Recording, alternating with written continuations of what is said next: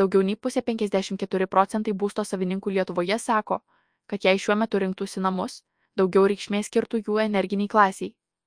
Tokius duomenis atskleidžia Svetbankų sakymo atlikta reprezentatyvi šalies gyventojų apklausa. Įsigydami namus paprastai daugiausiai dėmesio skiriame būsto kainai. Natūralu, ji turi atitikti mūsų finansinės galimybės. Vis dėlto reikėtų nepamiršti ir finansiškai priimtinų būsto išlaikymo kaštų. Dalis gyventojų šildymo sezono visuomet laukia su nerimu, o energijos kainų šuolis pernai dažnam priminė, kaip svarbu vertinti ne tik būsto įsigijimo, bet ir išlaikymo kainą, sako Svetbank. Finansų instituto ekspertė Justina Bagdanavičiūtė. Apklausos duomenys rodo, kad daugiau dėmesio energiniai būsto klasiai būtų linkę skirti individualių namų savininkai. Pasak J. Bagdanavičiūtės, gera žinia ta, kad šie gyventojai turi daugiau laisvės savarankiškai būsto renovacijai ir kitiems energinio naudingumo didinimo sprendimams, kurie ilgainiui padeda sutaupyti didelės sumas. Gyventojai ir toliau domisi saulės elektrinių, šilumos ir blių ir kitų namų energinio naudingumo didinimo sprendimais. Kai kurie iš šių sprendimų, pavyzdžiui, saulės elektrinės įsigijimas iš nutolusio parko, taip pat aktualūs ir daugiabučių namų gyventojams, komentuoja Svetbank finansų instituto ekspertė.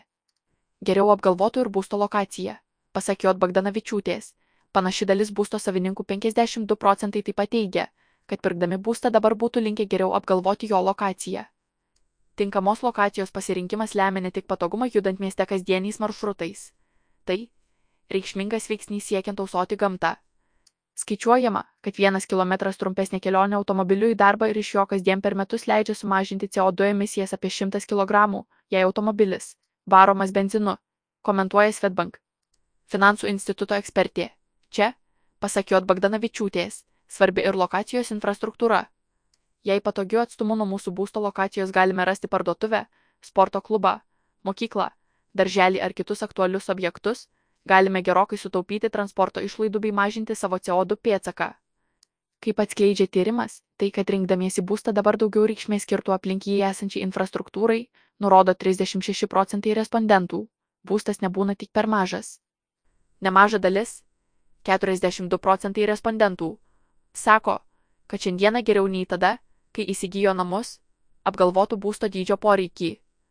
39 procentai būsto savininkų daugiau reikšmės skirtų ir jo išplanavimui. Kai būstas tampa per mažas mūsų poreikiams, o naujo įsigyti neturime galimybės, reikėtų įvertinti bent jau jo apstatymą baldais. Kartais sumanesnis apstatymas ir tinkamesnio dydžio baldų pasirinkimas gali bent nedidelę dalimi praspręsti vietos trūkumo problemą. Šiandieną, kai vis daugėja galimybių parduoti ir įsigyti naudotus baldus, toks būsto pokytis gali būti itin ekonomiškas, atkreipė dėmesį Svetbank finansų instituto ekspertė.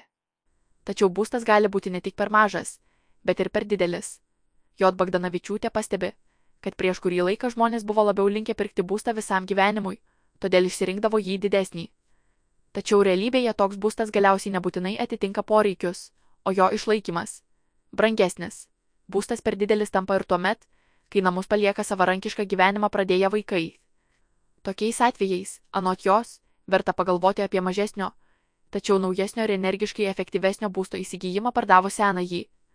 Apie namų energinio naudingumo didinimo galimybės ir sprendimus sitin įsamios informacijos, parengtos su įvairiais išorės ekspertais, gyventojai gali rasti Svetbank tinklaraštyje esančiame tvarių namų gide.